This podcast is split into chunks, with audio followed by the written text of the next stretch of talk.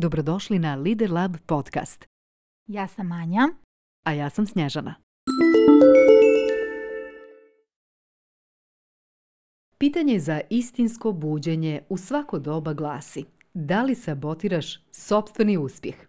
Naime, akt samosabotiranja nije nešto što nam se dešava, već ono što svjesno ili manje svjesno radimo sami sebi. Samosabotaža je izbor, Kratkoročno dobijamo satisfakciju koja nas dugoročno skupo košta. Samo sabotaža je kreiranje nepotrebnih problema koji staju na put ostvarenju postavljenih ciljeva. Kada znamo da je postavljanje ciljeva vrhunski izraz ljudske sposobnosti da kreira sobstvenu željenu realnost, te da te ciljeve i realizuje, samo sabotaža se može definisati kao ubica kreativne energije. A kada u čovjeku nema vitalne energije, nema ni zdravlja, ni životne radosti. Možemo li reći da je onda samo sabotaža ubica kreativne energije? Tako je.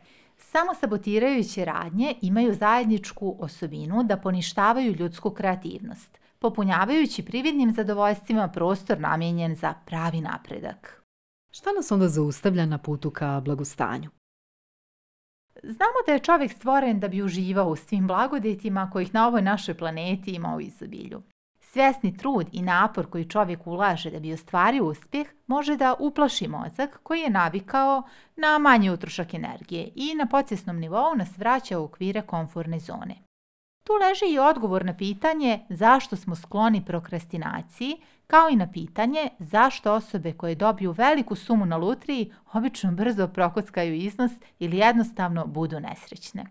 Naime, nesvjesni dio mozga se drži jedne naučene scheme koja se stvara od rođenja.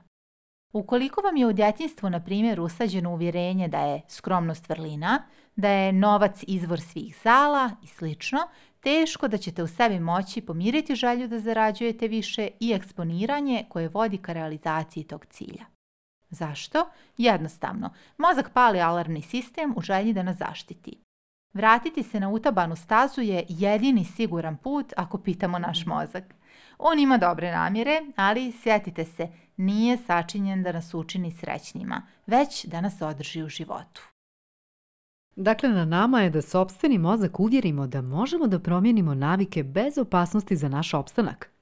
Da, zvuči neobično, ali na nama je da svojim racionalnim razmišljanjem shvatimo koji su naši ciljevi, da se mozgu zahvalimo što nas štiti, procijenimo da postavljanje pitanja o povišici neće ugroziti naš opstanak i krenemo naprijed bez okljevanja ka svom cilju.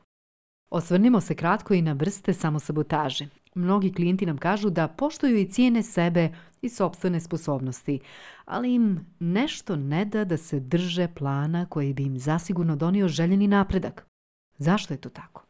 Samo sabotaža je često prikrivena u oblicima društveno prihvatljivog ponašanja i upravo iz tog razloga nekada nismo ni svjesni da radimo nešto protiv sebe. Samo sabotaža je kradljivac energije i snova i društveno prihvatljivo ponašanje. Hajde da pomognemo našim slušalcima tako što ćemo im postaviti nekoliko provokativnih pitanja. Da li imate jasne ciljeve? precizno, hronološki definisane, sa punom jasnoćom detalja o realizaciji tog cilja. Da li držite sebi datu riječ? Budite se u određeno vrijeme, obavljate aktivnosti korisne za vaše zdravlje i vašu produktivnost i sl. Da li možete da uživate u tišini, bez posla, bez društva, hrane ili telefona? Da li lako odvajate bitno od nebitnog?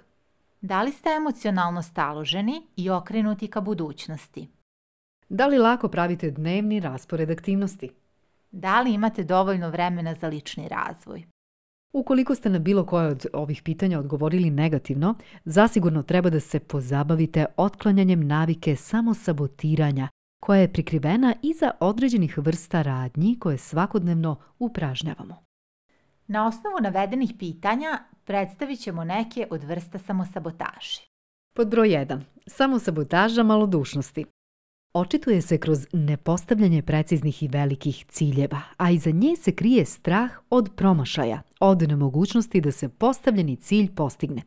Ona je izuzetno podla i podmukla jer je društveno prihvaćena. Ljudi rijetko dijele svoje velike ciljeve da ne bi zvučali ili izgledali blesavo ili nadobudno i slično. A istovremeno krade energiju jer sprječava razvoj potencijala i sposobnosti koji se stiču samo obavljanjem radnji neophodnih da bi se samozadati cilj postigao. Potom samo sabotaža izbjegavanja. Izbjegavanje susreta, teških razgovora, nepojavljivanje na intervjuima, neprijavljivanje na konkurse, Ukratko, zatvaranje u sobstveni svijet u kojem sebi pričamo racionalne laži, poput onih da svakako ne bismo uspjeli, pa zašto da se mučimo? Ili to se može samo preko veze. Zatim da nismo dovoljno obrazovani, pametni, lijepi i tako dalje. Ukratko, da nešto ne zaslužujemo. Također je veoma podmukla jer podrazumijeva rješavanje ograničavajućih uvjerenja koja vrlo često nije lako samostalno prepoznati. Sljedeća je ne znam samo sabotaža. Dolazi do izražaja u coaching sesijama kada klijenti često odgovaraju sa ne znam na pitanja koja se tiču njihovih emocija i obrazaca ponašanja. Ukazuje na nedovoljno poznavanje sobstvenih misli, načina na koji ih biraju, kakve emocije te misli prouzrokuju, Stoga se lako osjećaju žrtvama sobstvenih radnji i prepuštaju jeftinim zadovoljstvima da bi se utješili. Prejedanje, ovisnosti različitih vrsta, hiper ili hiposocijalizacija i sl. Četvrta je past fokus samosabotaža. Boravljanje u prošlosti u kojoj nalazimo razlog za strahovanje odnosno nepoželjnu vizualizaciju, kao i razloge za nepostavljanje ciljeva ili za postavljanje prepreka na putu ka realizaciji velikog cilja. Tako lakše opravdavamo promašaje, a nerijetko iz tog razloga sami sebe osuđujemo na promašaj i prije nego što zaista pokušamo. Prije nego što damo sve od sebe da uspijemo. Sljedeće je sve to meni jasno, samo sabotaža. Već mjesecima ili godinama, na primjer, osjetite da stagnirate, ne ispoljavate sobstvene potencijale. Ali vam ne pada na pamet da potražite pomoć zajednice ljudi sa sličnim vrijednostima ili pomoć koča ili mentora. Očekujete na neki način da ćete istim načinom razmišljanja kojim je problem stvoren, problem i riješiti. Tapkate u mjestu i iz toga proizilazi veliki utrošak energije koji kompenzujete lažnim zadovoljstvima i prokrastinaciona samosabotaža. Manifestuje se kroz neki od prethodno nabrojanih oblika, pri čemu dodatno odgađamo važne i neophodne zadatke za sobstveni napredak. Vrijeme potrebno za njihovo obavljanje popunjavamo manje važnim i često dugoročno štetnim radnjama. Kako samosabotaža prelazi u naviku? Veoma jednostavno, podmuklo i gotovo beščujno dok se jednog dana ne probudimo sa 20 kg viška, sa bolišću u podmaklom stadijumu, sa mnogo više neprijatelja nego prijatelja u životu, na poslu koji nikada ponovo ne bismo izabrali. Ako svakodnevno živimo nepoznavajući ili negirajući sobstvene velike talente i strasti, ne razvijajući se na emocionalnom i intelektualnom planu, sve su prilike da će samo sabotiranje postati naš modus operandi. I za kraj, e, najvažnije pitanje. Kako se riješiti samosabotaži? Prosperitetan život podrazumijeva konstantan rast i razvoj, čiji je preduslov visoka emocionalna inteligencija.